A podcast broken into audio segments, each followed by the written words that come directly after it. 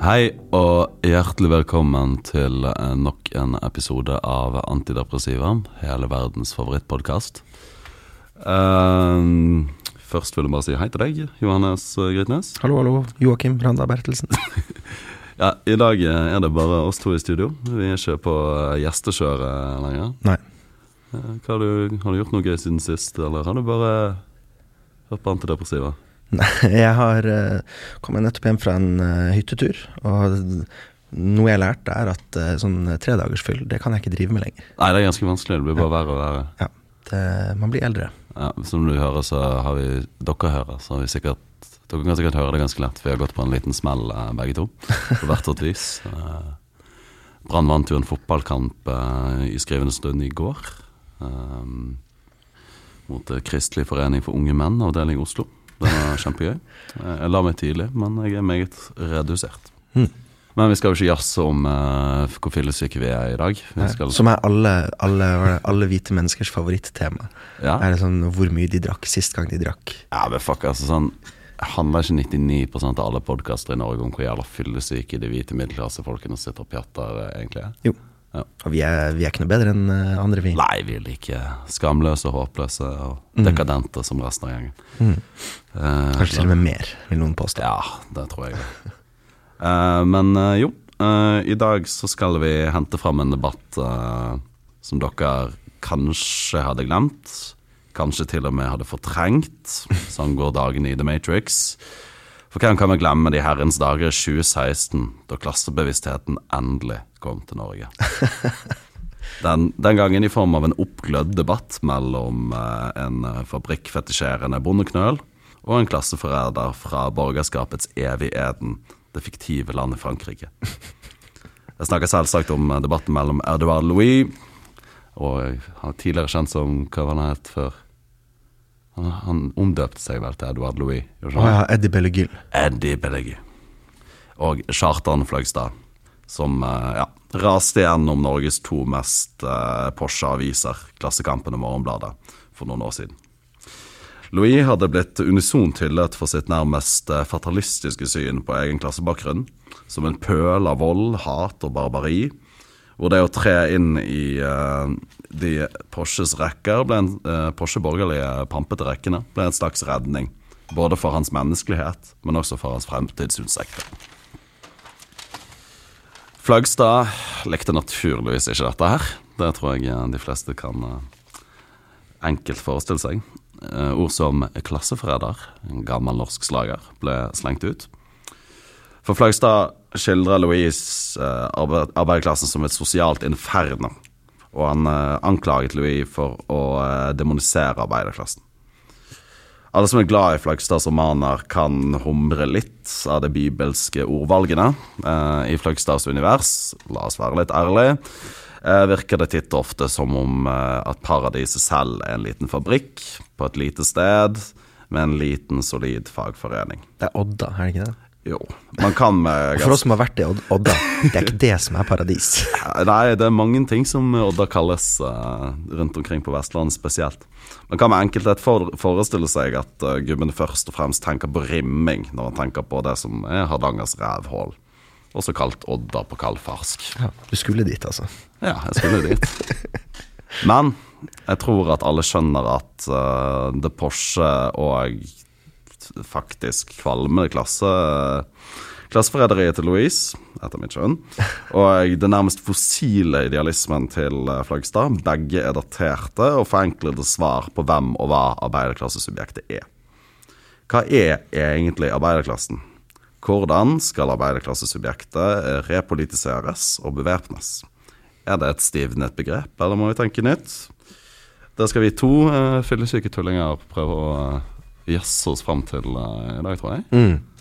Yes, Med hvert vårt eh, perfekte utgangspunkt. Du fra Os, som vel er et slags sånn arbeiderklassens litt sånn bakevje-sted, på en måte. Os er komplekst. Ja, det er Os. Os er et sted fullt i de mest vulgære klasseflyktninger. Mm. Det er fullt i millionærer Skatteflyktninger, mener du? Ja, skatteflyktninger. Mm. Fra Fana, presumptivt. Mm. Uh, så det er fullt i en sånn rar norsk avhart.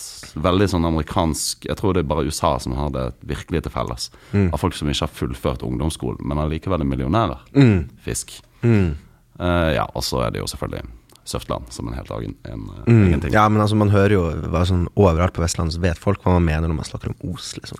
Ja, det har ikke det beste ryktet. Det er vel eh, Det er også stedet som valgte Terje Søviknes til eh, ordfører, også etter at det viste seg at han hadde sexet med en eh, 16-åring. Ja. Det, det er mye kritikkverdig med Os. Eh, Ja. Og fyren har jo heller ikke hake. Nei. Som, altså, du må skjønne at Ja, nei. Men han ser jo ut som en gomp. Ja, ja, ja. Men, eh, ja, men eh, det er mye gøy Men det var, det var han eh, Os ville at skulle representere Eh, ja, men han, sånn sett så er han jo veldig representativ for Mm. Os, eh, vil jeg si. mens, eh, mens jeg skal heller ikke kaste steiner til glasshuset her.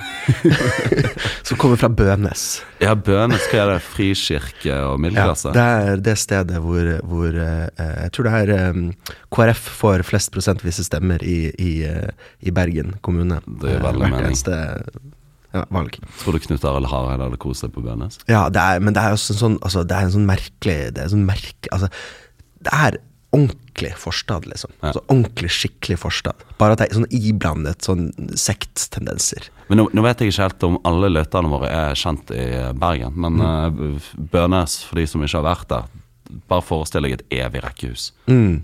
Det er stort sett bare rekkehus. Men det er også eh, iblandet noen sånne gamle villaer. For det var gjerne der hvor uh, Fiffen dro på, på Hadde sommerhusene sine før i tiden. Det er Altså Det ligger jo rett ved, ved Trollhaugen og, og Kongehaugen, og, eller hva det heter, Kongeparken der ute. Men sånn er Os òg. Os har jo eh, Porsche-villaen til Ole Bull og Mm. Christian Michelsen, vår første statsminister sin eh, bolig. Ja. Men det som er litt funny der, er jo at det første de gjorde etter Michelsen var død, var jo å gjøre det om til et barnehjem. Mm. Det er jo ganske kledelig. Litt uh, dickensiansk. Mm. Uh, men eh, jeg vet ikke. Altså, eh, hvor skal vi begynne? Altså um, um, Altså Vi må begynne med Hvis, vi skal, hvis jeg kan få liksom skyte inn på, på den Fløgstad og, og uh, Louis-debatten, bare sånn for å etablere dette her, så, så var det jo på en måte uh, Altså eh, Fløgstads uh, arbeiderklasseromantisering er jo holdt jeg på å si, selvfølgelig Altså, den er vanskelig å ta 100 seriøst, da, på en måte, for hvert fall Altså, for meg som ikke har vokst opp i noe sånn arbeiderklassemiljø, så jeg kunne jo vært tilbøyelig til å ta den seriøst, men jeg tror jeg har kjent deg i noen år. Så, så Ja, men det er jo Jeg tror de fleste som har vokst opp i den type litt sånn um, små fabrikksamfunn Mm. på Vestlandet, vet at det er mange av de stedene så har de fabrikkene lagt ned for ganske Mm. lenge siden. sant? Um, tror nesten all industri i Os ble mer eller mindre sånn kollektivt lagt ned rundt 2007-2008. Mm.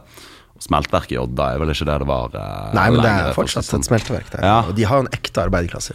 Absolutt, men Odda er jo på mange måter siste bastion. da. Veldig Mm. mange av disse små fabrikkstedene på Vestlandet har jo fabrikkbyggene blitt eh, morsomt nok til sånn caffè latte-steder. eh. Mm, ja, ja, I Odda, Odda så er det jo eh, litteraturhus. Ja, sant. Men det er veldig undersnakket når man eh, tar den caffè latte-debatten eh, mellom by og land. Mm. Er det noen steder det er mye caffè latte, så er det faen meg på her forbanna gamle fabrikkbyggene rundt Ja, omkring på små, ok. eh, små drittsteder. Ja. Men det føles litt som om den han faktisk driver med litt sånn regressiv eh, idealisering til tider. Fordi han skildrer et Norge som ikke finnes lenger. Mm. ja, og jeg synes, eh, tror det var Sandra Lillebø som sa det i Klassekampen, at, at eh, eh, Altså Man må huske på at eh, Fløgstad skildrer arbeiderklassen i Norge på 50-tallet. Liksom. Mm. Og det er jo arbeiderklassens gullalder. Ja. Altså det var Da var da de styrte eh, Norge, om ikke, om ikke verden.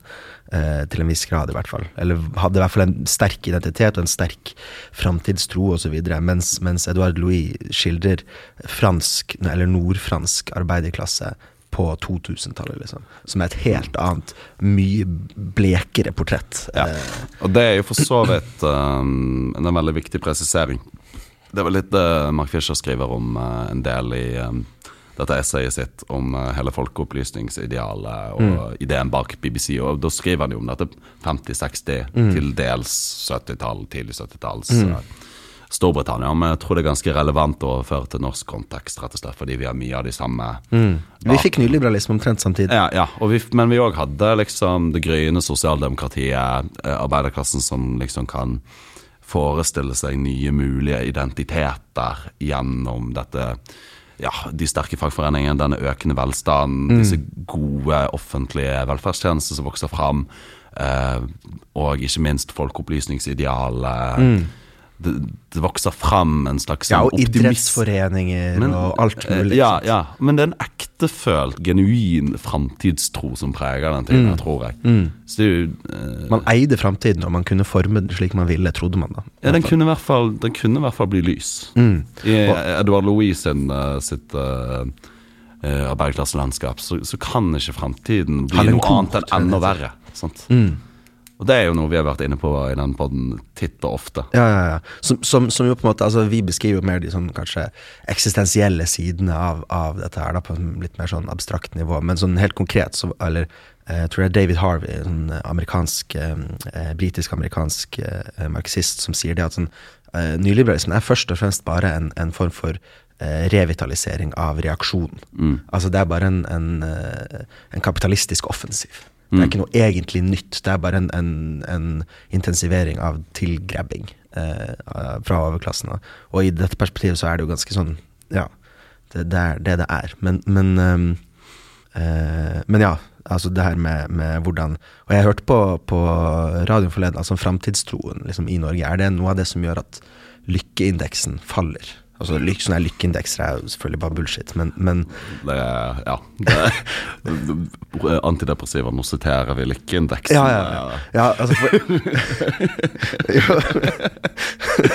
ja, shit. Dette er regresjon, altså.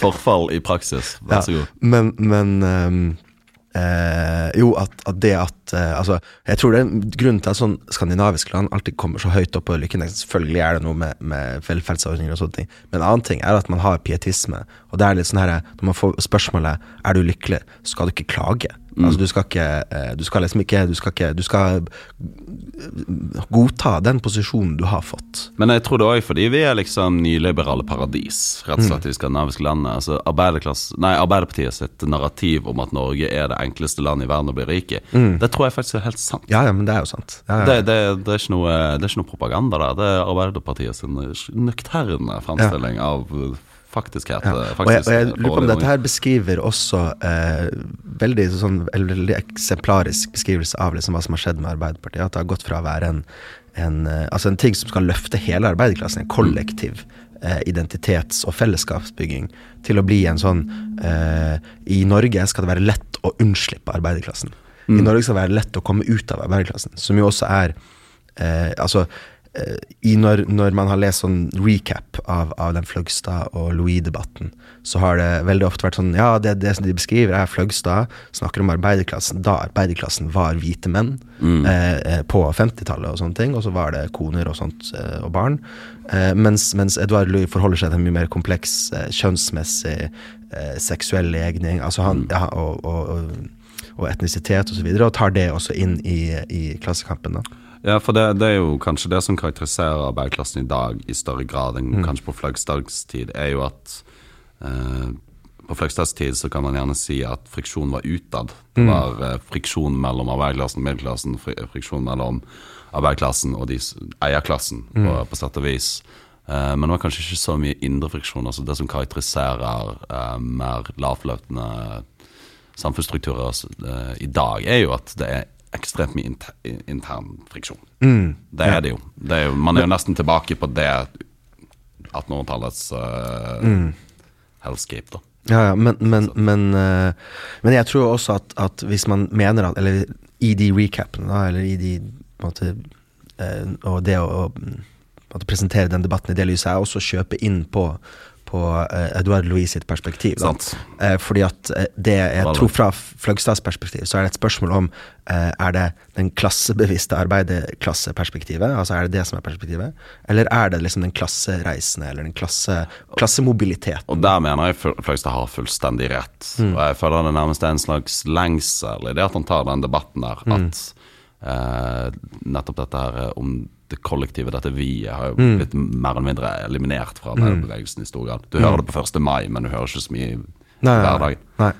nei og, det, og, det, og det er jo sånn derre eh, Altså det er jo forståelig. altså Folk har ikke lyst til å oppdra barna sine hvis de har litt penger. Så har de ikke lyst til å oppdra barna sine i de områdene hvor det er liksom hvor det er eh, folk som går rundt og er speeda på dagtid mm. eh, og slår hundene sine. Eh, altså sånn der, eh, du, har ikke, du har ikke lyst til å være i det miljøet, så du flytter til andre steder. ikke sant? Eh, selv om du kanskje har en, sånn, en sosialistisk oppdragelse, eller et eller annet sånt, så har du ikke lyst til å, du har ikke lyst til å vokse opp på. Altså, du har ikke lyst til å For min del, jeg bor på skyggesiden, så for min del så er det liksom det gjør ingenting, men hvis jeg hadde hatt barn, på en måte Altså hvis jeg Ja. skulle oppdra barn, så hadde jeg ikke lyst, hatt lyst til å bo på skyggesiden. Mm. Eh, ikke fordi at sånn, det er så jævla mye vold der, og sånn, men, men ja. Du får en litt røffere oppvekst av det. Mm. Så, Men så, men så er det jo òg en sånn veldig 2022-ting at uh, istedenfor å prøve å lage uh, trygge arenaer for barn i samarbeid med naboene og gå sammen i små enheter og prøve å skape et lokalsamfunn, så er jo den mest 2022-løsningen er jo bare å flytte. sant? mm. Det, Ja. egen Det er, det er mobiliteten, ikke sant. Altså, for det, det, det er det det handler om. Det handler om mobilitet. Mm. Eh, også, for, også for arbeiderklassen. Og det, og det Arbeiderpartiet er til for, er å legge til rette for at eh, eh, flest mulig skal kunne ha muligheten til å komme seg ut Mm. av, av filleproletariatet, eller av, fra arbeiderklassen. Men, eh, men altså, bare fordi at noen altså, det slutter, jo ikke å være, ikke å være et pyramidespill, selv om, eh, selv om det bytter ut hvem som er på toppen av pyramiden. Liksom. Det, er, det er ikke sånn at alle altså selv, om, selv om nordmenn liker å tro det, så er det ikke sånn at alle kan være mellomledere. Nei, men det er for uh, Vi har vel kanskje uh, SSB må ta en kikk på det. Vi, jeg tipper vi har flest mellomledere i uh, Ja, ja, men det er det vi skal leve etter oljen. Mellomledere. Norge og Kina tror jeg er veldig gode på mellomledere. Ja, ja, kanskje. Ja. to de- mest kapitalistiske land i verdenshistorien. Ja. Men med god, godt sosialt sikkerhetsnett. uh, Ja, har det Altså, kjenner ikke jeg til det sosiale sikkerhetsnettet i, i, i Kina, men eh, jeg vet ikke. Med fare for å bli en dengist, det er ingen dengist, men uh, å dra uh, flere hundre millioner mennesker uh, opp i middelklassen på 15-20 år, det er ganske imponerende. Ja skal jeg faen meg ha. Uh, ja, men nok om Kina. Mm. De skriver jo De skriver seg inn i veldig sånn tradisjonelle fremstillingsbilder av arbeiderklassen, både Louis og Fløgstad. Mm. Går det an å kalle Louis en slags sånn uh, Mer på et forsøk på en slags sosialrealisme? En litt mer sånn Ja, ja. eh, noen veldig selektive måter han framstiller det på. Men eh, han stil, står vel mer i en sånn natural, forsøk på naturalistisk tradisjon. Ja, Eh, Men det finnes sosial, sosialrealisme, så finnes det sosialrealisme. Altså, det finnes, det finnes, eh, altså, det finnes sånn stalinistisk sosialrealisme. Som Ja. kan se hvor flott det er å arbeide. Sant. Se hvor, se hvor eh, men, men det Foredlende det er men, for kroppen Men det er jo ikke en uh, altså, Da blir det litt sånn der eh, selvmotsigende begrepsbruk, egentlig. Da, Ja, ja, ja. Altså, det, jo, det har jo ingenting med realisme å gjøre, det. Altså, det er jo det er mer fetisjeringens uh, In Soviet we have Sovjetrealism. Ja, men, men sånn altså Skal du fremstille noe sånt, så er det jo åpenbart at du allerede drev med lønnsarbeid. sant? Mm. Altså Alle som har drevet med lønnsarbeid, vet at lønnsarbeid er fuckings mareritt. Ja, ja, ja. på med, ja, ja, ja. Det er derfor du får betalt for det. Du må være partileder for å fetisjere lønnsarbeid. Ja. Eller litteraturviter hjelper også. Ja, eller kapitalist. Altså, jeg- jeg eller student. Det er Ja. mange studenter som Ja, fetisjerer lønnsarbeid. Det er sånn uh, på, i HF-kantinen hvor mange ganger man har hørt sånn her ah, jeg skulle ønske jeg var snekker. ja, fuck. Det Så- Jeg, jeg har vært skyldig selv der en gang. ass. Jeg har jo faen meg uh, drevet og selvproletarisert meg også, så Ja, ja, men eh, du, du jeg driver jo og romantiserer uh, bonderomantikken. Og Ja, sånne men du, du kunne jo fort endt opp på sånn Markens Grøde-vibbe, Ja, ja, ja. i og med at du faktisk bokstavelig talt fant det sjøl i gavejordet. Ja, ja, ja. Nei, altså, jeg, jeg, jeg merket jo når jeg var der ute, og så drev og leste litt sånn av Gamben, som også kan ha en sånn konservativ islett innimellom, Mm. eh, og drive og være ute i bonderomantikken. Da blir man litt sånn der Men man skjønner sånn her jord hmm, Tilknytning til jorden og sånne ting. Det er farlige tanker. Ja, ja, ja. ja, man eh, begynner å sette pris på det. Mm. Ja.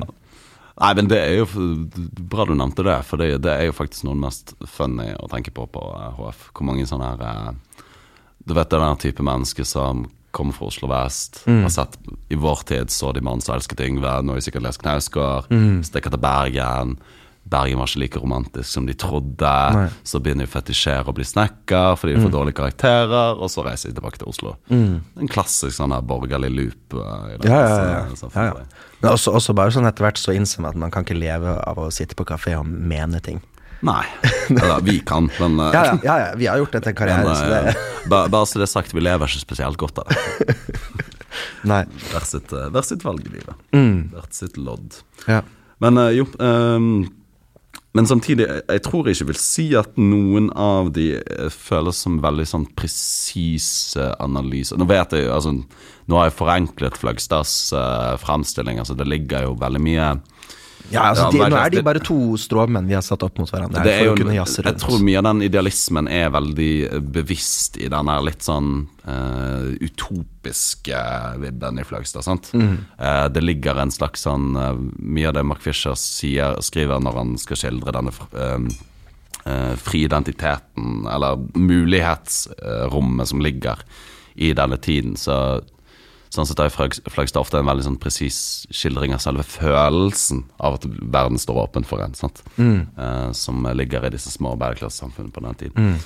Eh, men eh, likevel, jeg, jeg føler ikke at noen av de nærmest helt treffer mål på en presis skildring av arbeiderklassesubjektet i 2022. Nei, men det er også fordi at eh, altså, denne arbeiderklassen sånn per definisjon ikke eksisterer, på en måte. Altså, den, I hvert fall, i hvert fall i den sånn marxistiske eh, versjonen. Altså, Idet arbeiderklassen realiserer seg selv, altså blir en arbeiderklasse med, mm, som, som realiserer sine interesser osv., så, videre, så, eh, så avskaffer man klassesamfunnet. Liksom. Ja, og i, i Norge, mye pga. de glimrende fagbevegelsene vi har hatt, så er, så er det nærmest litt sånn absurd å gjøre en klasseanalyse og snakke om arbeiderklassen. Eh, jeg tror de fleste som har vokst opp med håndverkere, vet hvor jævla fett de tjener. eh, Ja, ja. Det er ingen studielån, de kan kjøpe tidlig. De tjener Noen tjener 600 000-700 000 i året. Spørs litt hva du gjør, da, men altså det er en Ja, men jeg tror 600 000 også er en litt sånn utdatert figur.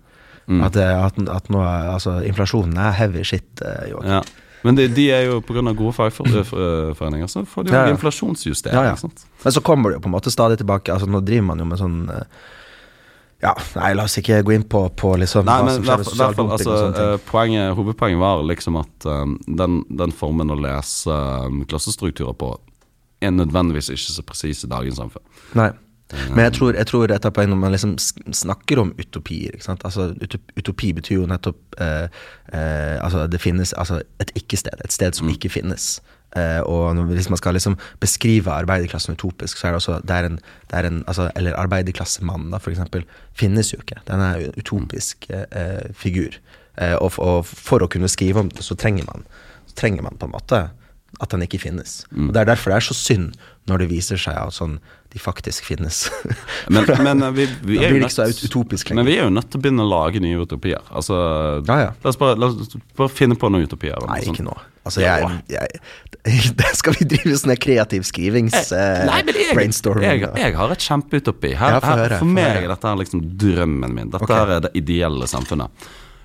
Koble meg på The Matrix, og så sett en jævla rognkjeks på kuken min.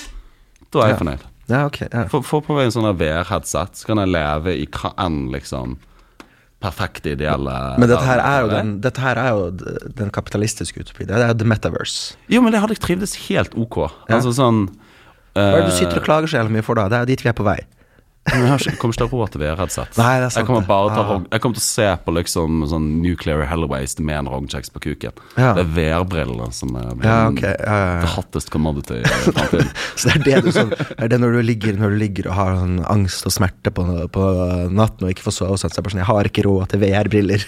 Men eh, enda mer hot take. Vi, vi kommer ikke til å være de som får se på eh, Nuclear Hellscape med liksom rognkjeks på kuken. Vi kommer til å være rognkjeksen. Ja, okay. Vi kommer til å suge og suge og suge, og ikke vite hva vi skal gjøre. Ja. Det, apropos så leste jeg den her, i den her um, En strek gjennom tyngdekraften, denne sci-fi-antologien som Ja, ja. eh, den eh, med Ros eh, Roskva Ja, det er utrolig vanskelig polske navn. Vi beklager at det er så mye. til den eh, antologien. Den. Radkowska, tror jeg man sier. Men, òg og, eh, og Skrattenholtz. Og så var det en uh, til. Dette her er sånne ting man egentlig burde vite. Men, uh, Ja, eh, men La oss snakke om den, fordi sci-fi-antologi på norsk, det er ikke så Nei, nei, det er et kult, kult prosjekt, men, men i en av de novellene der Og det som også er påfallende, er jo at alle disse novellene eh, Altså, Bortsett fra med få unntak, da, beskriver framtiden altså som, som en slags intensivering av utbytting og, og, og klassestrukturer. Altså sånn klassestrukturer malt i stein. ikke sant? Altså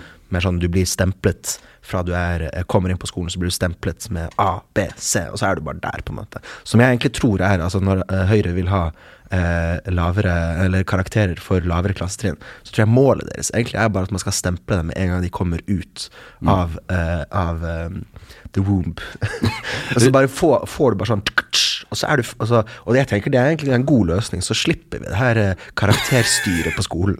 Jeg er for det. Bare stemple barna med en gang de kommer ut. Driver ikke Kina med de greiene? Har Jo, ikke jo, de jo. sånn oppførselkarakter? Så kan ikke du reise til utlandet hvis ikke du har liksom Jo, den type sånn sosial kredittsystem og sånne ting. Ja, ja, ja. Nei, men, altså, men problemet mitt er bare at det er så mye stress å drive og sånn her Å nei, tenk om jeg ikke Hvis du bare får den stempla sånn med en gang, så slipper vi alt den utvelgelsesgreien. Som bare sånn Du skal bli lege. Du skal bli Altså sånn der eh, Og så slipper vi det her, på en måte. Men eh, Fordi karakterer er noe ordentlig dritt. Men Hva, hadde, hva hvis du bare sånn Altså, du, du som har velutdannede foreldre Hvis du bare sånn plutselig Hvis du var helt på slump Mm. Så er det sånn Din søster, hun skal bli lege Og du bare sånn Nei, du skal bli rognkjeks hva, hva faen gjør du da? da finner jeg eh, en asketisk glede i tilværelsen som rognkjeks. For rognkjeks er livet enkelt Den Ja. suger og suger og suger til den stopper Ja. Det, det er eh, Altså det, enkle livet. Så får jeg meg en kone og to barn, og så Du får jo ikke kone når du er rognkjeks Jo, men finn meg en annen rognkjeks, da. Men du suger jo bare Jo, Du kan men ikke- eh, Ja, nei. Nok, men nok rognkjekshumor, eh, hva sa du? Ja, må, må trekke det inn lite grann. Men eh, Men eh, jo, altså i en av disse eh, Altså fordi at det, det er veldig mye sånn ja, dystopiske beskrivelser i den romanen, som også er gøy, for at i Etero så skriver de at det de egentlig ville ha, var utopiske beskrivelser. De ville ha, de ville ha uh, Det, det er hårfylling, ja. Den enes utopi er et annens dystopi. Jo, men, men, men altså, bare går til norske forfattere og spør Kan dere ikke gi oss noen sånn her, Se for dere at vi kan lage samfunnet på en annen måte, og i- innordne oss på en annen måte, osv. Og, så og så får de bare sånn kapitalistiske dystopier. Ja. Eh, som, som sier veldig Altså som gir Mark Fisher 100 rett, da. Ikke sant? Ja, altså Det er jo helt umulig å forestille seg The End of Capitalism. sant? Ja. Det, det, Eh, men, men i en av disse eh, novellene så er det sånn eh, Løsning på flyktningproblemet er på en måte bare at Eller ja, at det er mange flyktninger i verden. på en måte er bare det at de, vi, eh, de, får sånn, de får sånn tvangsarbeid. Så sitter de tolv timer om dagen og liker ting for selskaper. Eh, Driver sånn her eh, eh, som, jo- som jo er det mange folk gjør i dag. Altså, Ja, ja. Vi tror det er algoritmer som driver og styrer nei, internettet. det sitter Det er sånne indere som sitter underbetalte og driver og ser på ting. eh, Kjeppjaget fra Kashmir eh, sitter og liker ting. Ja. Ja, eh, så, så Og det er da Rognkjeks-tilværelsen. Ja, det er jo det. for, eh, Det er faktisk den, det, Som jeg også ser for meg at eh, man kunne Altså, det er en tynn linje mellom influenser og sånn podkaster og sånne ting, og bare bli en sånn fyr som sånn liker ting. Ja, det er jo um, skal, skal vi kalle Sofie Elise liksom uh, middelklassens rognkjeks? Nei, Det er vel kanskje ikke lov? Jeg tror det- jeg tror tror jeg det- er langt over streken. ja, var det ikke ja, Tore, eh, eh, Tore Sagen som havnet i problemer for å eh, Han har havnet i mange problemer. Ja, ja, for å kalle henne Nei, jeg trenger ikke gå inn på det. Men Nei, eh, nok- eh, det.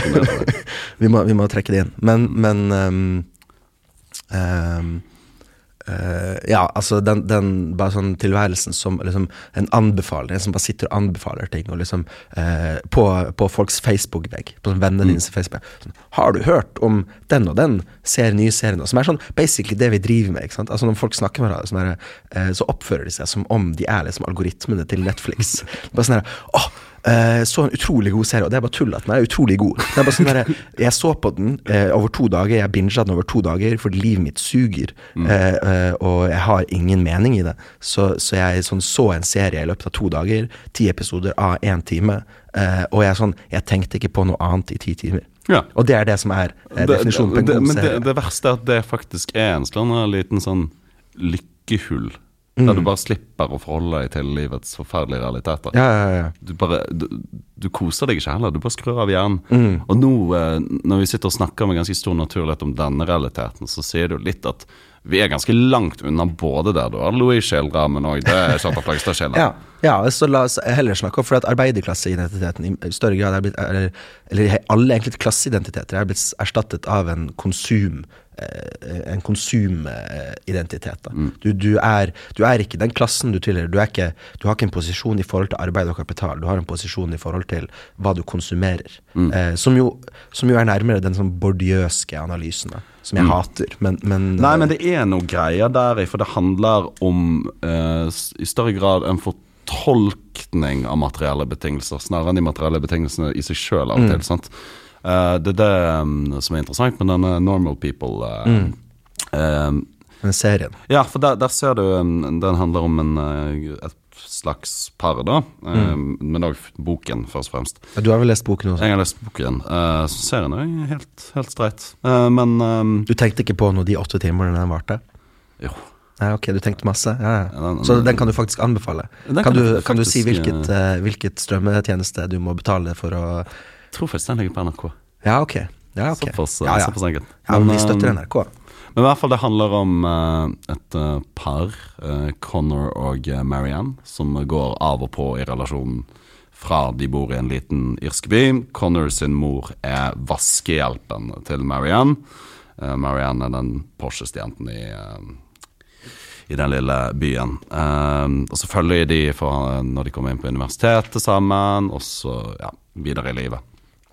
Eh, det som er interessant der, er at du følger den her blanke sleiten. Denne her eh, ja, veldig sånn skallaktige mannen, Connor, eh, gjennom en faktisk slags På papiret skal det være en klassereise, fordi altså moren hans er vaskehjelp. eh, han, det er ingen farskikkelse.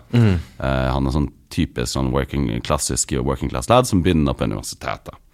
Eh, men det som er interessant der, er at uh, det er ikke så mye i uh, klassereisen, det er ikke så mye i arbeiderkulturen. Det er mer i det at han ikke kjenner språket til de nye materielle betingelsene han kommer inn i. Det, det er der mye av dissonansen ligger. uh, ligger.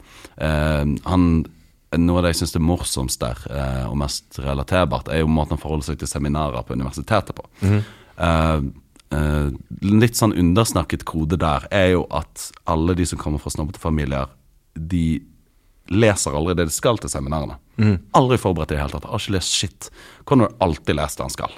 Forberedt seg veldig godt.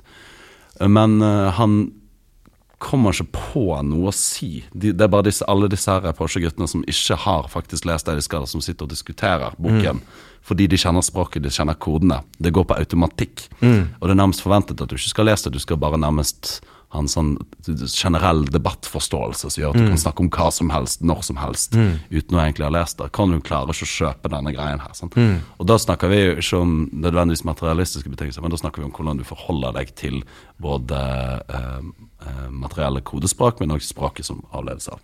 Ja, så, som er på en måte den her altså, bordiøs kategori med kulturell og sosial kapital og sånne ting. Og det er noe jeg eh, sånn oppdaget først sånn ganske seint inn i mitt eh, studieløp. At sånn her eh, Altså for, for meg så er det en selvfølge at alt skal diskuteres. At, uh, at formålet med tekster er ikke å være enig eller uenig. Altså det å kunne dis, eh, diskutere eh, tekster som man er uenig med, med distanse og med verdighet, på en måte, uten å på en måte identifisere seg med, med den posisjonen eller noen ting, men bare sånn Bare innta en, en altså eh, Ja, en mer distansert og ironisk holdning da, til alt. Fordi at sånn Det er ikke eh, det er ikke Det er ikke den ekte politikken som liksom er sånn skjebne og, og liksom veldig viktig. Det er mer en, mer en eh, Ja, du forholder deg til det mer som en uh, Ja, noe som skal diskuteres, da. Men eh, det, det er en annen ting jeg syns er interessant, der, er hvordan det gjenspeiler seg i uh, For Connor leser mye Marx, Mm. uh, men, og han snakker men han nekter å liksom gå i disse demonstrasjonstogene, og det syns jeg er en veldig sånn smart observasjon av Sally Rooney, fordi eh, hennes take der, sånn jeg leser det, er jo at mange av disse her eh, venstreradikale demonstrasjonene som foregår, er ikke til for arbeiderklassesubjektet. sant? Mm. De, der Ergo finner ikke Connor sin plass. Han sier et eller annet at demonstrasjonen er aldri for vold, voldelig nok for meg. ja. Litt sånn barnslig, har jeg sagt Mm. til han. sant? Det er en barnslig tanke. Men den har på mange måter poeng, fordi disse, disse her ritualene eksisterer jo for eh, mobile mennesker som kan gå inn i denne demonstrasjonsrollen, Mm. og så forsvinne ut av den. Det er ikke laget for de som faktisk må liksom Um, stå i f.eks. kampen mot politiet år Mm. etter år etter år. etter år. Det bryter en ned. Sant? Så godt fungerer dette systemet. Mm. Du, du kan ikke stå i en sånn uh, uh, radikalisert aktivistposisjon over mange år, slik systemet er lagt opp i dag. Sant? Ja. Det er for de hypermobile som kan gjøre det i noen få år på universitetet, og så gå ut. Så jeg syns det er ganske artig Mm. Ja, og, og, observasjon. og, og det er noe Chichek eh, liksom kommenterer. Eh, eller altså han, han på en måte har litt sånn eh, kritikk av liksom anarkisme. Da, og, og man tenker altså Etter finanskrisen så var mye av, mye av den radikale mobiliseringen eh, på venstresiden besto i en sånn form for anarkistisk eh, eh, mobilisering. Altså det er opptøyer, det er, eh, det er opprør, det er eh, liksom assemblies, eh, sånn radikal demokrati, den type ting. Mens den klassiske liksom eh, treige, seine fagorganiseringen, den klarte ikke å henge med. ikke sant? Den, den ble helt akterutseilt. Ja, og det, det som sto igjen, var på en måte disse opptøyene, da, og da var liksom Chichek sitt poeng at eh, Men hvem er det som skal rydde opp dagen etterpå? Ja. Det er et utrolig Det er et vittig poeng, men det er et veldig godt poeng. Som er sånn klassisk sånn Zizek, at han formulerer sånn ganske gode kritikker i noen veldig korte eh, Ja, veldig sånn hverdagslige ord. Ja, han er god på det. Godt, eh, godt blikk på mannen. Men ja. eh, det, det som er, da blir ironisk med Connor, da, er jo at han faktisk Altså, det å lese Marx, og det å aktivt liksom reflektere rundt sin klassebakgrunn, eh, det gjør jo at han blir dobbeltisolert. Han blir fremmedgjort fra sin egen klassebakgrunn, og han blir fremmedgjort fra sine studiekolleger. Det er det som er den, den sånn bitre ironien i det. sant? Gjennom å delta i radikale ideer, så fremmedgjør altså han totalt. Mm. det syns jeg òg er en sånn eh, skarp eh, påpekning. Eh, Ja. Ja, det er også noe med for at jeg, altså, Grunnen til at jeg misliker Bourdieu så sterkt, er at han gjør klasse om til et identitetsspørsmål. Ja. Ikke et, ikke et Det skal man, ikke man faen meg passe seg for. Ja, men ikke, ikke, ikke som et forhold mellom arbeid og kapital. Mm. Eh, men, men faktum er jo at det er også et identitetsspørsmål. Liksom. Mm. Det er også et spørsmål om å ha et fellesskap og om å ha en, eh, og, eh, ja, en identitet. Da. Mm. Eh, som, som altså sånn her, Når vi snakker om i Norge, at det er jo ikke noe problem at lederen for Arbeiderpartiet har masse millioner på bok. Sånn, selvfølgelig er det et problem. Kjempeproblem. Ja. Men, men det er jo det som er Det er jo der liksom virkelig dette spørsmålet om arbeiderklasseidentiteten blir aktuelt. Det er jo når du tar noen ut av sin kontekst. Sant? Når, når Connor flytter til universitetet, det er jo da denne dobbelt fremmedgjø- fremmedgjøringen viser seg. Sant? Eh, den hadde kanskje ikke vært like markant hvis den hadde deltatt i et uh, arbeidskollektiv i lokalmiljøet. På en måte, sant? Ja, ja. Det er jo der uh, Hegel sier Minervas ugle flyr i skumringen. Ja. Det er kun når noe står utenfor, noe er forbigått, noe ikke lenger er, at man kan se hva det er, på en måte. Men, det- men det er jo veldig kyniske ideer vi snakker om nå. Det det er kyniske blikk. Det, det, er jo, det er jo en slags eh? Det er jo nærmest en sånn en, uh, umulig floke. Det er en sånn gordisk uh, knute. Ja. Hvor, hvor, uh, hvordan kan vi anvende dette her til noe produktivt, liksom? Altså det Nei, det er, det er ikke vår oppgave. Nei. Vår oppgave er å jazze og kjenne litt på Ja, nei, ja, eh, nei, men, men eh, Ja, så er det jo så er det på en måte altså, Det er det Marx sier også, at det, er en, det, er en paro, det er en motsetning, liksom. Altså Man er i en motsetning. Man er fremmedgjort. Man blir fremmedgjort gjennom arbeidet, og man blir fremmedgjort gjennom samfunnet man lager, osv. At det er liksom at, eh, at eh, arbeiderklassen driver og graver sin egen grav aktivt, på en måte. For at jo mer de jobber, jo, mer, jo, jo rikere blir de som undertrykker dem, på en måte. Eh, og jo, jo mer effektivt de kan uh, ja, utnytte sin egen arbeidskraft, jo mer, eh, jo mer effektivt blir de utnyttet. Det er jo- det er jo et sentralt poeng når man skal kritisere sosialdemokratiet. Sant? Det er jo Ja, ja.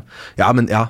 Uh, men det er jo også, ja, det er viktig å tenke på at det er jo denne ja, Det er den nyliberale vendingen som ligger til grunn her, på en måte. Som ligger som den materielle grunn, vilkåret under denne. Altså at man går fra den arbeiderklasseidentiteten og liksom eh, forholdet mellom arbeid og kapital til å gå til at sånn eh, eh arbeideridentiteten er først og fremst en konsumidentitet. Hva er det du konsumerer? Mm. Eh, og så videre. Da. Så. Men, men altså, ja, poenget mitt med det med, med, at det er lett å innvende som en kritikk av sosialdemokratiet, er jo at ofte litt sånn tenketyper, de mener jo ofte at staten nærmest Kalte du dem tenketyper? Tenki. Tenky gode, gamle sånn hardcore stalinister. Ja. Ofte argumenterer de med at fram til eh, kommunismen er oppnådd, så må staten nødvendigvis være totalitær for, mm. for å hindre eh, at for, slike ting oppstår veldig lett. Mm. Uh, det er jo en risiko når du har sosialdemokratisk samfunn at det er veldig lett for Gro Harlem Brundtland i sin tid å trykke på liberaliseringsknappen sant, for mm. å booste økonomien når den begynner å gå trått. Ja, ja, ja. Det, det, dette, det, er jo dette den kinesiske stat gjorde da de innså at sånn, vi kan ikke vokse mer innenfor, innenfor mm. dette liksom, protososialistiske samfunnet vi har. Vi er faktisk nødt til å introdusere kapitalisme her. Fordi at det, det, er en sånn kraft som virkelig kan uh, det, frigjøre det, det, har jo løftet mange mennesker opp av fattigdom, ja, ja. men det, det er et tveget sverd. Ja, ja, ja, det er jo det. Klart det. Men uh, ja, men uh, det fikk meg uh, til å tenke igjen på den Fischer-greien vi snakket om. Med, I forlengelsen av Flagstad og Edvard Louis. Med denne her sånn utopiske kraften som lå i hele den sosialdemokratiske arbeiderbevegelsen på mm. 50-60-tallet. Uh, han Fischer har en idé om da, at ja, vi har vært gjennom det mange ganger, men at um, kapitalismen kvelte arbeiderklassens uh, drømmer og utopiske tanker om identitet. Mm. Og det er litt det når, når, du leser denne Connor som på mange måter gjør denne sånn tradisjonelle sosialdemokratiske drømmen på 50-60-tallet. Endelig fikk ungene tilgang til universitetet. Endelig fikk ungene tilgang til kunnskap på en helt annen måte enn før. Ting som historisk sett alltid har vært noe som var forbeholdt elitene. sant? Mm. Uh, og, men allikevel så ender man opp i et slags dobbelt spenn. Uh, mm. De materielle godene følger ikke nødvendigvis med. Uh, identiteten hans står i spagat. Det er det, ja. det er um, det er nærmest som om hele den liksom frigjørende aspektet med det er sugd ut av folkeopplysningsidealet. Mm. Ja. Og jeg tenkte også på Det er jo ingen som blir lykkelig liksom, av å sitte og lese Fischer nei, i dag. Du, du, vet at det, går litt trist. Desto mer opplyst du blir, desto mer deprimert blir du. på en måte? Ja, ja, ja. det er, det, det er også sånn der uh, romantisering av det deprimerte unge mann-greier. Uh, romantisering, romantisering. Det er jo noe må man jo fetisjere i livet mm. sitt. Men, men uh, leste den her uh, Caliban-teksten, som vi sikkert kommer tilbake til, men, men helt mot slutten så Det var du, ja, Retta Mar sitt uh, ja, Caliban. Sitt, sitt, Caliban jeg tror, tror vi var inne på det siste. Um, ja. Det er jo da en uh, fortolkning av Shakespeares kjente stykke uh, The, The Tempest. Tempest. Mm. Men han skriver vel først og fremst i forlegningen av Amé César sin eget Tempest, ikke? Jo, også, altså han, han, skriver vel først og fremst ut fra uh, den cubanske revolusjonen, og, og, var egentlig en av de ledende intellektuelle på Cuba. altså Eh, og var, var, på mange måter den intellektuelle spydspissen til, til revolusjonen. Mm. Eh, og så er det eh, Og så var det på et tidspunkt at det var noen eh, Det var noen intellektuelle som ble fengslet eh, og, eh, på Cuba for å drive sånn antirevolusjonær virksomhet. og så var det flere intellektuelle da i Europa, med sånn Sartre og sånne ting, som, som skrev under på et brev hvor de uttrykte liksom eh, eh, Hva kan man si? Eh, skepsis da, til den vendingen som den cubanske revolusjonen hadde tatt. Mm, eh, og det er egentlig det han svarer på. da. Men, men eh, for bare sånn sitere, eller eh, ta opp noe helt til slutt, så, så, nevner han så nevner han en tale for at Che ble utnevnt til, eller Che Guevara ble utnevnt til, eh, til æresdoktor ved, et, eh, ved universitetet i Havanna, var det vel. Mm. Che Guevara den første memen? ja, the, the, the, first meme. The last man. Eh, hvor, hvor, han liksom da holder en tale om at den derre eh, eh, Ja. Eh, at, at, universitetet belongs to all the people of Cuba, and it must be extended to the people, or the people will seize it. Og det er på en måte Det er en viss sånn herre eh, Altså, han, han, sier på et eller annet tidspunkt eh, I do not say this as a threat.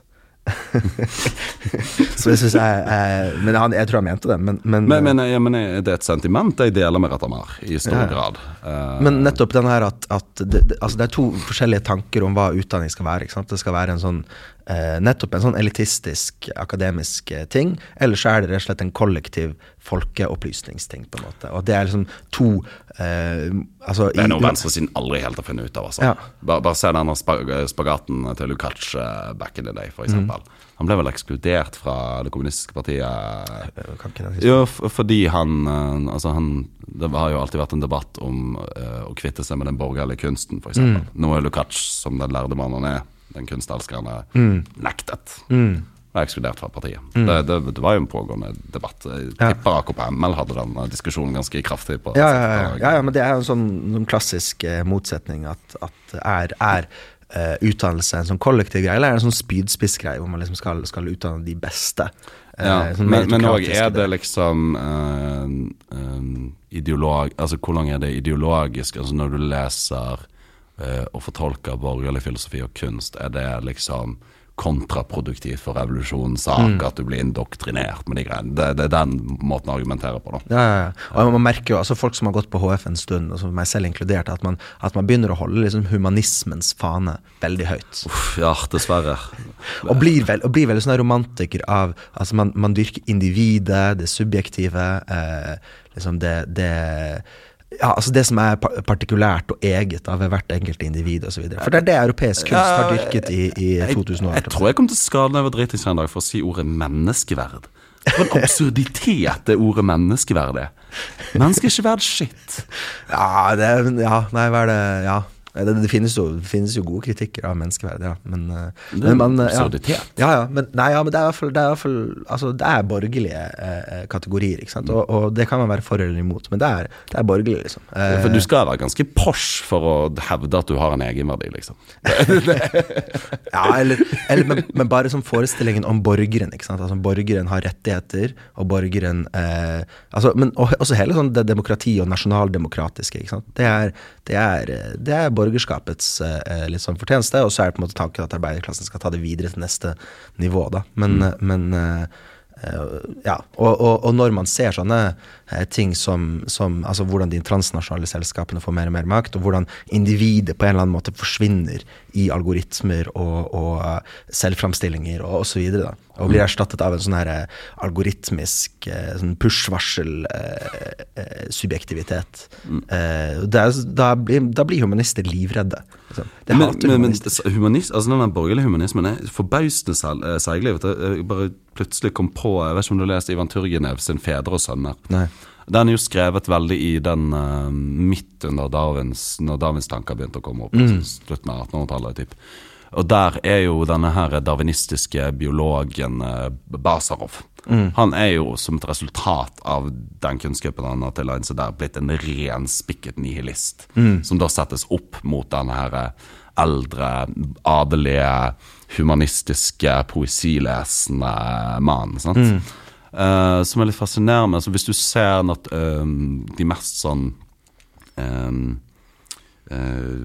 Kall det darwinist, moderne darwinister i dag. da Eh, Kall det alt fra liksom sånne offentlige leger som Kawa Rashidi til osv. Og så, så har de nærmest sånn fusjonert denne adelige humanismen med dette darwinistiske, nesten litt sånn deterministiske biologiske synet. De, de, de har nærmest sauset sammen. Så den, den motsetningen der liksom darwinistisk biologi skal ende i ren nihilisme, den, den har liksom borgerlig humanisme nærmest overvunnet. da. Mm. Ja, for det er, det er en sånn herre eh, Bare sånn i, i den på en måte darwinistiske tanken altså, det er, det, det er sånn, eh, altså at man bare sånn Ja, jo da, darwinisme er en ting, men vi, vi snakker ikke så høyt om det. Ja, ja, sant. Vi, vi, vi bare Vi, dropper det. vi hever oss over de delene. og- Ja, ja, ja, ja, ja. Så av, av, av gode historiske årsaker. ja åpenbart. Men, men at det er et sånn motsetning som selvfølgelig eh, på en måte ligger der, da, uten at den, uten at den blir snakket om. Men for jeg tenkte også, eh, fordi at i det her Caliban-essayet til Retamar eh, Roberto Fernandes Retamar eh, heter han. Eh, Anbefalt lesning for ja, øvrig. eh, så, så Eh, så setter han liksom opp denne motsetningen mellom da eh, eh, Ariel og Caliban. Og de er da to skikkelser hentet fra Shakespeares eh, The Tempest. hvor, hvor på en måte Ariel er liksom altså Prospero, som er liksom den trollmannen som kommer til en øy. Herren over øyen. Han er liksom her, herren over denne øyen, og, han, har på en måte fått av Ariel, som er luftånden, og Caliban, som er denne jordbundne trell, trelleskikkelsen. Altså, så er det veldig viktig å presisere at dette er skrevet i en veldig tydelig postkolonial kontekst. Ja, ja, ja. Altså, dette, dette er liksom Dette er eh, Shakespeare altså, som kommenterer kolonialisme, sånn helt åpenbart.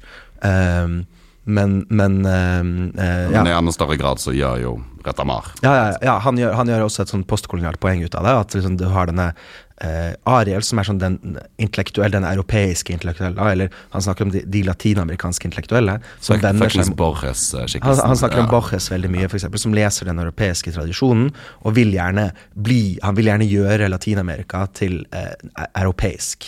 Eh, mens mens eh, eh, snakker om liksom Caliban, som er denne eh, skikkelsen som lærer eh, Prospero-språk, altså engelsk, eh, kun for å kunne forbanne eh, Herren i det språket. Ikke for å tilegne seg hans kultur eller liksom eh, eh, ja, bli som han, men for å liksom si fuck you, rett og slett. Eh, og, og det er liksom da det han mener er liksom den revolusjonære intellektuelle. Da.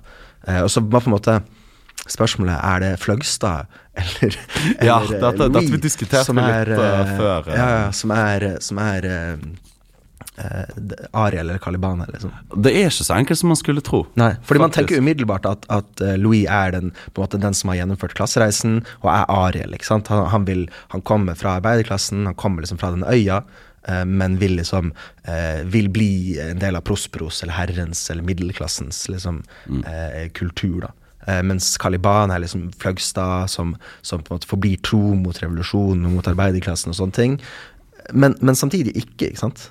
Fordi at eh, Fløgstad driver og beskriver arbeiderklassen som nettopp en sånn luftig, eh, hyggelig eh, ting, mens, mens eh, Louis ja, Jeg, jeg, jeg tror eh, mye av nøkkelen ligger liksom i denne her eh, kannibalistiske våpengjøringen som Aimé César tar for seg i sin eh, versjon av Shakespeare-stykket. Okay. For der er det jo det som kjennetegner Caliban der, er at hun tar herrens språk, altså det engelske. Han har skrevet på fransk, og så veldig åpenbart når han da snakker engelsk. Eh, han bruker herrens språk til å skrike ut 'freedom'. Sant? Altså han våpengjør herrens språk. Uh, og det er på mange måter litt det, den strukturen du kan se i Edouard Louis, men han angriper jo sine kamerater istedenfor å ja men han, men han sånn gjør feilrettet. Altså, hadde, hadde nok Kisen bare angrepet Ariel, så hadde det vært mye mer. Men han har den kannib- kannibalistiske grunnstrukturen. Mm. Eh, At han tilegner seg på en måte overklassens eh, eh, språk og begreper, nettopp for å kunne vende dem ja, han, mot dem. han går jo til Prospero istedenfor å si liksom 'freedom' til Prospero, så går han og sleiker ræven hans. Ja, og sier at 'å, det var helt grusomt før du kom og reddet meg'. ja, ja. ja. Nei, nei, for han går, han går jo ikke til Prospero, han går til Ariel. Ja. Eller, Kjære Ariel, du har reddet meg eh, ja. Fra Ja, men, men, samtidig, men samtidig så tenker jeg at den, den eh, eh, 'Farvel til Eddie Bellegill'-boken er jo nettopp Den måtte han skrive for å kunne skrive den her senere boken, f.eks.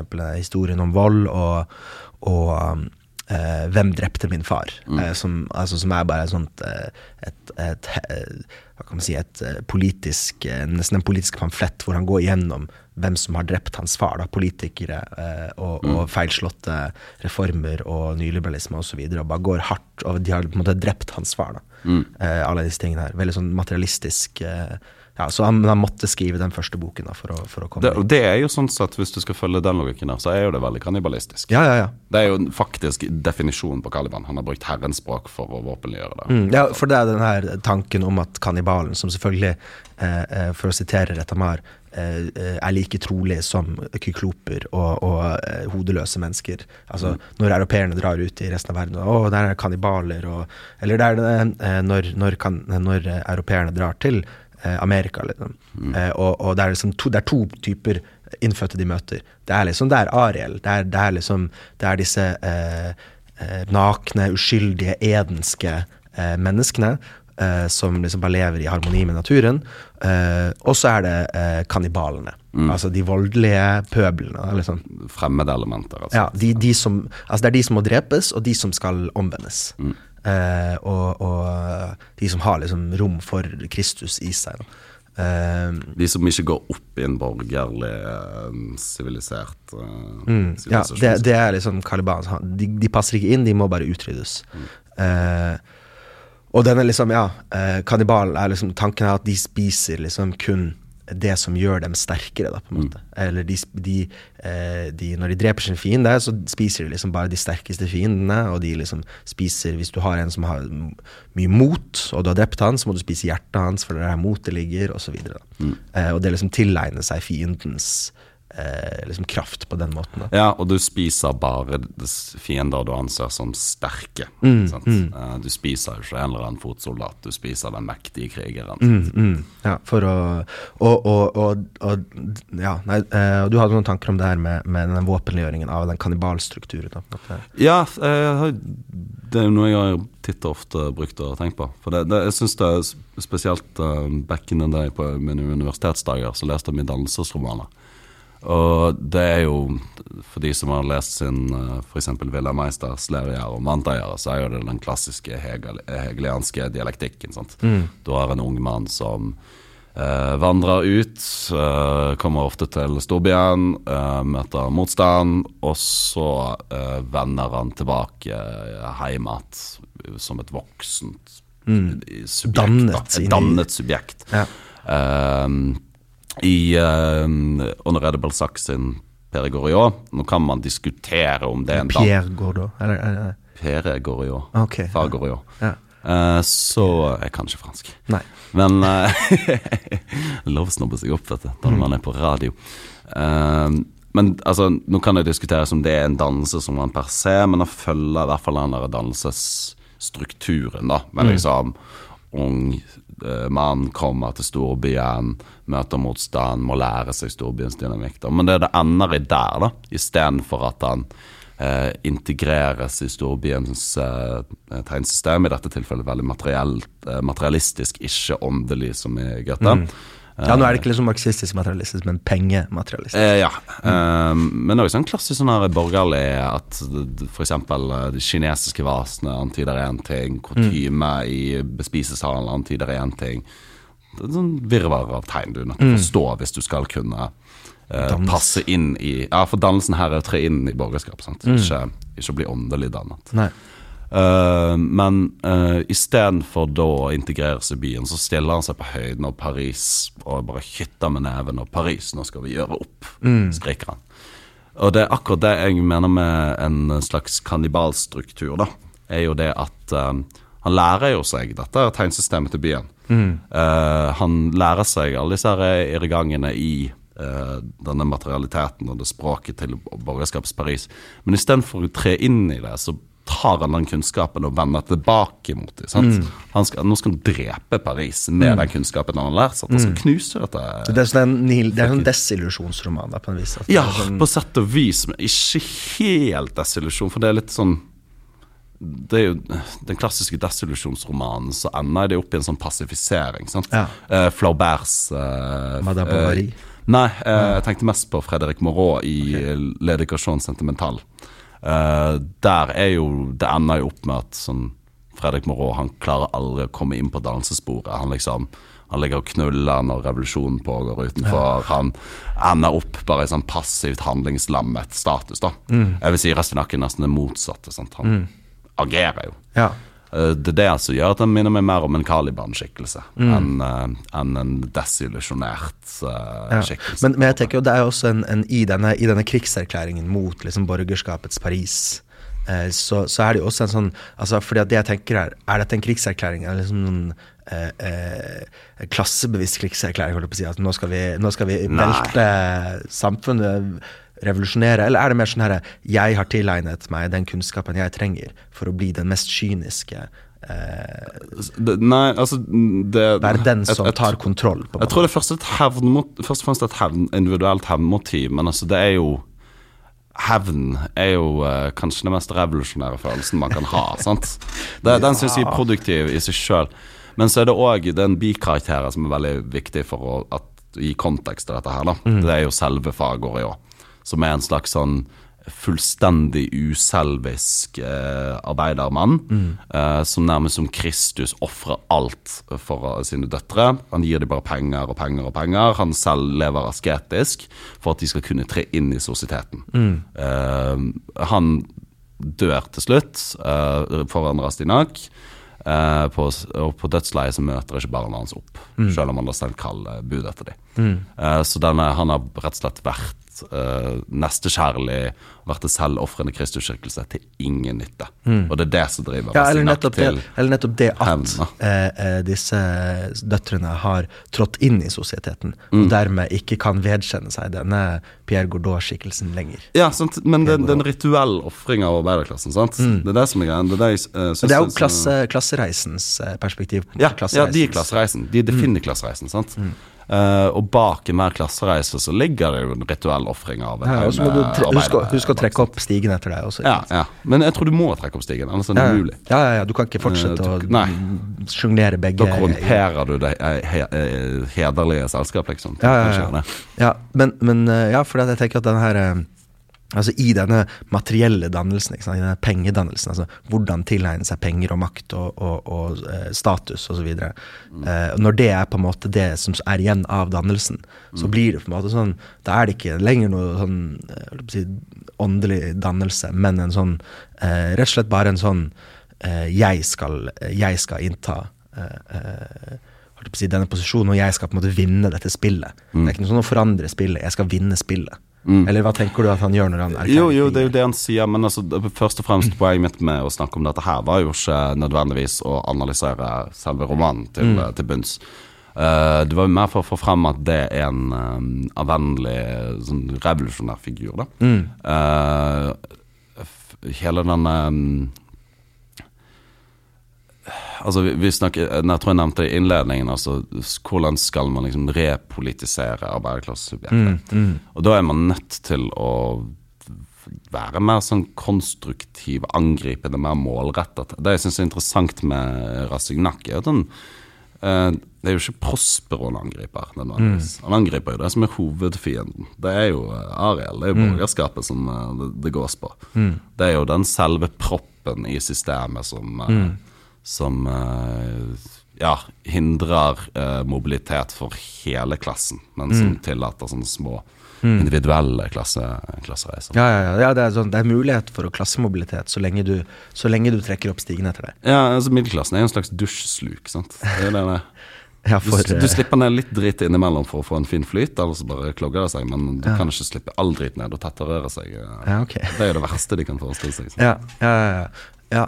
Ja. ja. Så det er på en måte den dannelsesromanen i det på en måte I det borgerlige. da Altså Mm. Fordi man før har hatt liksom det adelige som kjennetegnes av liksom mer sånn uh, åndelig dannelse osv. Og, så videre. og så kommer man til det borgerlige som kjennetegner alle kan bli Alle kan bli borgerlige så lenge du uh, spiller spillet og tjener penger. Mm.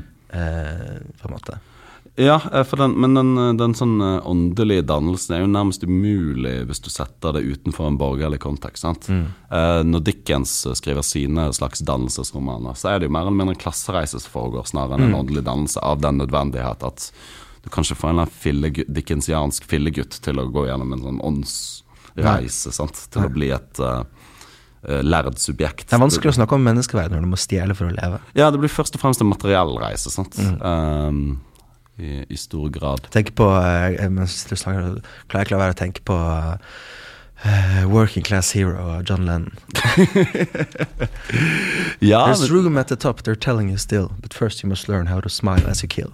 Ja, og det er jo på- mange måter uh, Men det er jo noe sånn bitter uh, Det er nesten litt sånn Edouard Louis-undertone i den. Mm.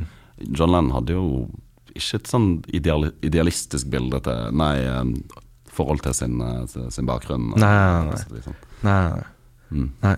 Ja, men jeg tenkte også eh, at vi kunne snakke om eh, altså, For det Sult har også på en måte den sånn samme forsøksvise kannibalstrukturen, ikke sant? Hvor, hvor denne Ja, det, det er vel mer det at det er helt fullstendig umulig. fordi, Ja, men, eh, men nettopp det at, det at den, den eh, fraværet av den dannelsen, av fraværet av den, det at han kan tilegne seg disse eh, tegnene eh, for å kunne vende dem ut igjen, det klarer han ikke. Altså det, det, det er bare sånn, det er sånn eh, Nettopp den dannelsesdialektikken som har helt stoppet opp. på en Ja. måte. At den eh, Altså, eh, hva er det du, du snakket om når når han prøver å liksom eh, få litt penger mellom hendene og kjøper seg en biff Spyr han ut igjen. spyr han ut igjen med en gang. Mm. Og han klarer liksom ikke ta til seg disse eh, tegnene. Da, og blir bare sånn Mm. eh, Ja. Det blir en sånn dialektikk som går helt på tomgang. På en måte. Men, men det er jo, altså, eh, Hamsuns sult kan jo ganske enkelt oppsummeres som i at du kan ikke, du kan ikke drive med verken eh, materielle reiser, du kan ikke drive med dannelsesreiser når du er sulten. Når du er sulten, så er du sulten. Punktum. det, det, det, det kan vel eh, Det kan være kort eh, Men altså, den, den tenker jeg mest er en sånn hele sånn kjensgjøringen av det industrialiserte, moderne kapitalistiske samfunnet, det er jo på mange måter de logiske konsekvensene tatt ut til sitt mest ekstreme. Det tror jeg sult er et eksempel på. Um, eh, Edvard Louis er på mange måter en slags ekstrem, han òg, vil jeg si. eh, med at han faktisk eh, så selektivt plukker ut de mest grusomme delene av sin klassebakgrunn og går til frontalangrep på dem. Mm. Man sier jo det i, sånn, i, i begynnelsen, at, eh, at lidelsen er totalitær. At, at den har ikke plass til, til uh, nyanser eller, eller sånn Ja, nei, det var, det var noe bra også, men, uh, men uh, mest lidelse. Altså, det, lidelsen er liksom total, på en måte. At den, den har ikke ja, rom for noe annet. da. Men, men når jeg tenker på den her altså dialektikk altså Når det blir den materielle på en måte eh, materielle si dialektikken som ikke kommer noe sted. Det er ikke noe sånn åndelig dannelse. eller noe sånt. Det er bare den her, uh, få tak i mest mulig penger, spille spillet mest mulig, og så ferdig, på en måte. Eh, det er ikke noe mer, på en måte. Og da tenker jeg på, på det uh, Walter Benjamin sier, kapitalismen som religion. At det er den her, hvordan eh, kapitalismen er en slags religion hvor du utfører sånne ritualer, du utfører eh, eh, ja, eh, ritualer, men, men det er ingen eh, telos, da. Det er ikke noe endemål på disse Ja. ritualene. Eneste ritualet som, som altså, du går og handler, du går og jobber, du gjør disse bevegelsene som er liksom ritualiserte og formaliserte, men eh, det har på en måte ikke noe mål. Det er ikke noe mål utover seg selv. Men, men så snakker han liksom hvordan han snakker også om eh, skuld, det tyske ordet skuld. Altså eh, Skuld? skuld. eh, eh, hvor hvor eh, eh, altså den, den gjelden på en måte blir opparbeidet, opparbeidet, opparbeidet, opparbeidet. Til da han mener til, til, til og med Gud er forgjeldet. Og så da på en måte kommer det en sånn eh, guddommelig dialektikk, da, hvor, hvor det hele eh, eh, som han snakker om i det her eh, eh, voldsessayet sitt, den guddommelige vold, som ikke bare eh, skal erstatte eh, det, det, den ene mytologien med den neste, men skal bare sånn eh, eh, fjerne alt. Altså det er sånn total Ragnarok. Ragnarok, eh, eh, ja, som er sånn Benjamins liksom revolusjonære messianisme. Da. At liksom alt skal bare vendes helt om. Eh, at det på en måte er den eneste løsningen. Da. Du får ikke den, den individuelle eller den lille eh, dialektikken. på en måte Det blir mer en sånn total. Ja, for, for sånn uh, revolusjonstankegangen som liksom skal åpne opp for, eh, for en utopi, eller alle skal muliggjøre utopi, har jo nærmest ofte en litt sånn Ragnarok-aktig Ja, ja, ja. Det er en purge. på Ja, måte, sånn. Men det er, jo, det er jo på en måte jo, Jeg tror ikke det er Altså, Hegel var altså, kristen, og, og Marx var jøde, da, men, det, men, men likevel så er det liksom eh, denne Altså den religiøse, det religiøse aspektet da, ved, ved kommunisme og sånne ting er jo helt åpenbar. Eh, så, så det har jo alltid vært en viss messianisme, viss tanke om at Messias skal komme en eller annen dag. Eh, hvis vi bare klarer å utholde denne lidelsen lenge nok. Ja, og så kan man jo si at uh, når man leser en Flagstad-roman, at uh, gudsbildet der er politistisk og består av uh, 20 000 arbeiderindivider i en liten Ja. småbygd. sant? Ja, ja. Det går jo an å. Det er kanskje mer uh, sympatisk, egentlig, enn den Ja, guddommelige volden. Men det er jo noe genuint sympatisk med Flagstads framstilling av værklassen. Det Ja, syns jeg. Ja, ja. Ehm, men jeg klarer ikke helt å finne ut om det er anvendelig, eller om Mm. det bare er utopisk. Men jeg tenker, jeg tenker bare denne For meg er det bare denne motsetningen som stilles opp mellom Caliban og Ariel. Altså, for at det er, Man ser jo dette her i alle framstillinger av liksom pøbel. Altså bare, bare med, de, med de opptøyene i, i eh, Sverige nå, eller hver gang det er, sier han har en demonstrasjon, så er det så mange mennesker som skal ut og mene at nå er det, sånn, det er pøbelvelde.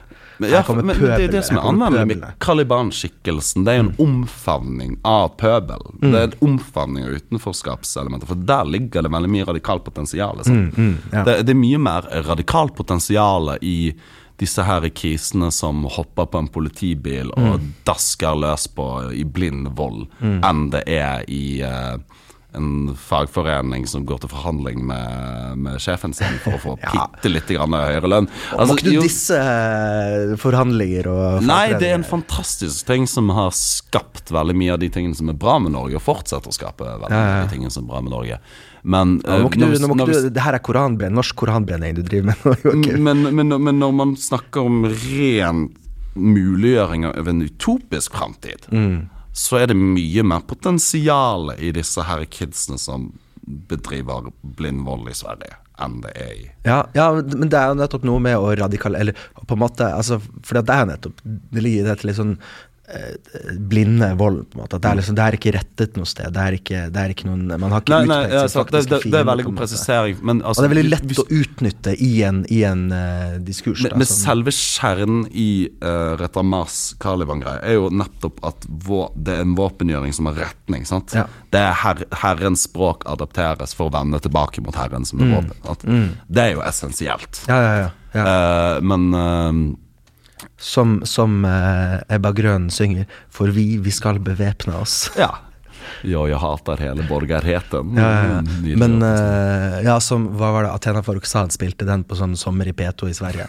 Og de har aldri fått så mye klager som de fikk da hun spilte den. Som jeg tror sånn, Hvis Athena Farrokhzad hadde vært hvit, så hadde det vært litt sånn mer sånn greit at hun ah, eh, ha, ha, ha, du var raddis før uh, ja, ja, ja, sånn, ja, ja, ja, det er bare en arbeiderklasseungdom som trenger å få utløp for noe greier. Men, sånn, men når det faktisk er sånn farlig ungdom Ja, men der, andre- der, er det, der er det faen meg potensial. Kaliban, liksom. Det er jo der potensialet ligger. sant? Mm. Uh, de som faktisk får en klagestorm når du spiller bevæpna her. Der er det mye potensial. Liksom. ja. For at vi kunne godt gjort det, Joakim. Vært litt sånn, ja ja, de er unge. Ingen har brydd seg. Nei, nei, nei, Uh, absolutt ingen har brydd seg.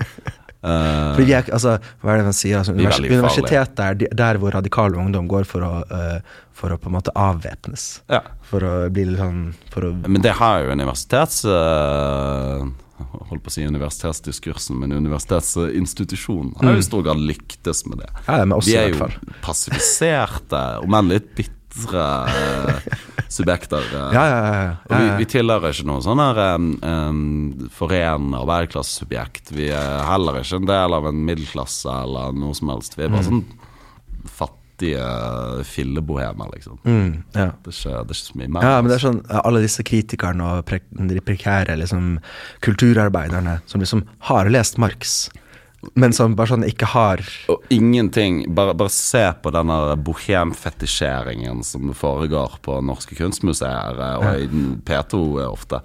Altså, bohemskikkelsen er den mest ufarlige fucking skikkelsen Ja. noensinne. Ja. Jeg tror kanskje minst revolusjonære skikkelsen av Ja, alle. det er jo et par sånne uh, sitater her hvor, hvor uh, blant annet han uh, um, eh, franske universitetsprofessoren Paul Lefebvre, som, som blant annet si så har vært mye av opphavet til 68-bevegelsen. Det skjedde på hans universitet og litt sånn forskjellig. Han hadde mye å fingre med i spillet der, da. Men, men han sa sånn, ble spurt liksom Hvorfor er du liksom kommunist når du på en måte åpenbart Når du bare henger med anarkister og liksom har en sånn anarkistisk eh, eh, liksom vibe, da. Så jeg er sånn Jeg er kommunist for at alle skal kunne leve slik anarkistene gjør.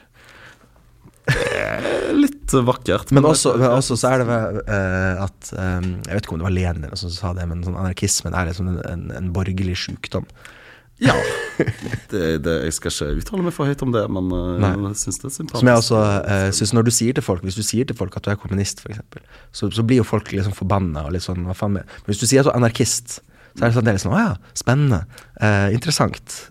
Men hvis vi skulle våpen, våpenliggjort uh, Skulle late som noe i det norske samfunnet, en slags Prosper eller Ariel, og man Ja. skal eh, vende Herrens språk tilbake som et eh, våpen, hvor, hvor hadde man eh, Hva hadde vært anvendelig da?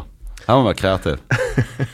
Ja, har du, har, jeg tror du må begynne der. Altså. Jeg, jeg tror jeg ville lagt et sånn eh, er du som er den kreative av oss. Jeg ville lagt et slags sånn parasittisk Lidmo-program. Ja. Jeg ville sneke meg inn den veien der. Uh, Istedenfor å liksom at en haug med liksom kjendiser med kreft og Gunhild Stordal uh, Ja, hun har hatt kreft, hun for så vidt. Skal liksom sitte der og fjase og være inderlig og menneskeliggjøres, da.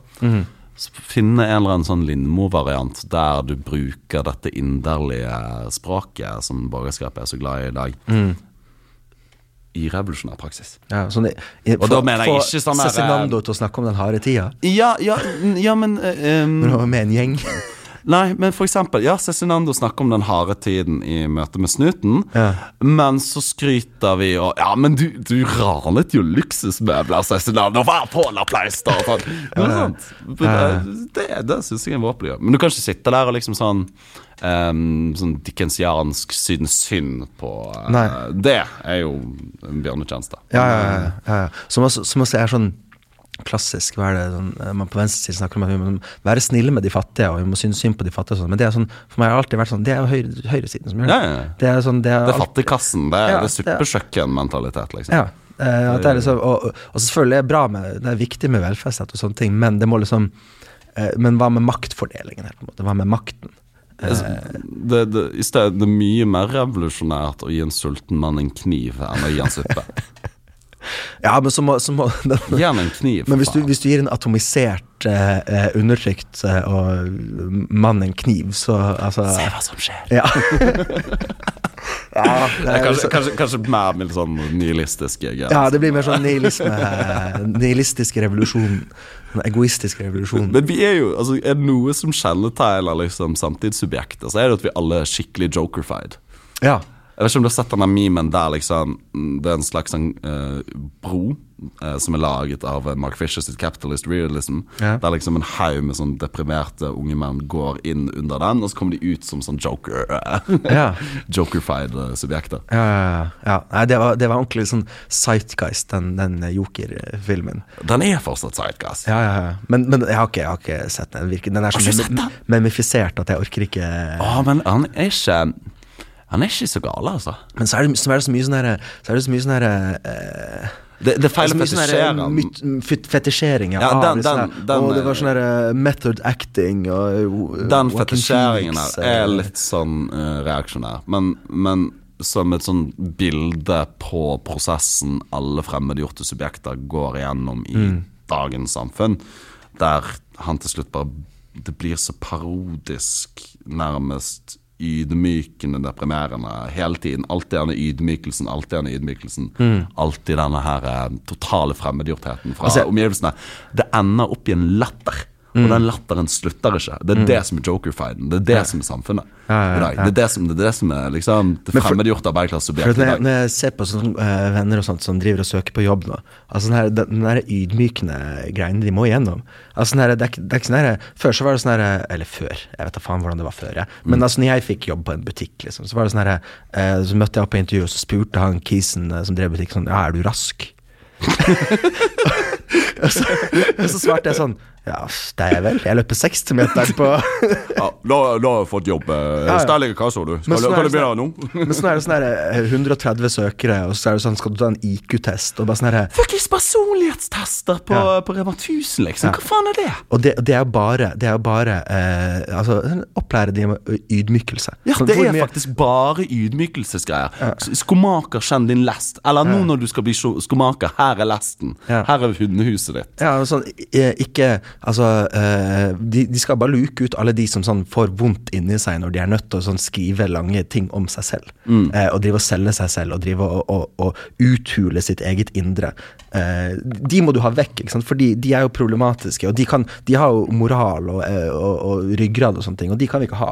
Så du må bare sånn ydmyke, ydmyke, ydmyke, Mm. til du bare sånn står igjen med, med de som sånn er desperate nok til å ta ydmykelsen. Føyelige subjekter, rett og slett. Ja.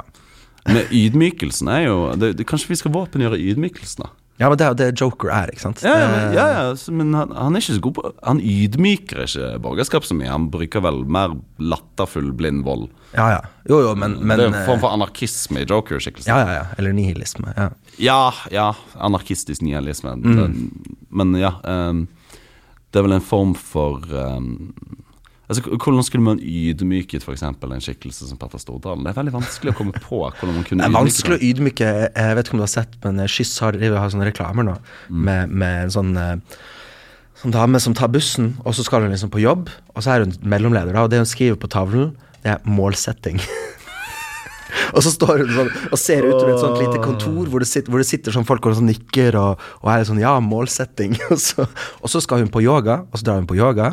Eh, og så skal hun på kafé, så drar hun på kafé og drikker kaffe. Altså det er sånn eh, og jeg, jeg, jeg satt og tenkte på det eh, eh, på veien hit i dag. Bare sånn eh, eh, hvordan, altså, hvordan kan man vinne mot folk som bare sånn har sånn pusteteknikker? Ja, men det er jo Patrick Bateman. Det er Ja. jo det det er. Ja, det er Bateman. Batemanifiseringen av samfunnet. Det er Batemans og jokers. Det Ja, men han er også en sånn joker. Han er bare overklasse-joker, på en måte. Eh, men, men, uh, men, det er, men det er sånn, du kan ikke, du kan ikke uh, påpeke sånn her ah, 'Det du gjør, er umoralsk'. De er sånn Nei, ja, det, uff, det gjorde vondt. Nå skal jeg gå og meditere litt og, og, og ta litt yoga. Og rense, rense ut alle eh, de toksiske væskene jeg har i kroppen. For å sitere den eneste italieneren jeg anerkjenner i hele verden, eh, Lydia eh, fra Sopranos, hun Ja. bestemoren. I wish the Lord would take me now. det er sånn Det, det, det, det er, er en hot take å gjøre sånn Lydia til helten i Sopranos. Lydia er jo helten i Sopranos, helt dønn! Hun er, hun er fullstendig gitt opp. Ja. Hun eh, eh, har utviklet en sånn sånn eh, gjennomgående kynisme. Det eneste hun holder seg på, er å liksom sånn røre i gryten og sette folk opp mot hverandre. Ja. Hun ønsker ikke å oppnå noe. Hun Nei. er jokerfied som faen. Ja, ja, ja, ja. Lydia er selve joker.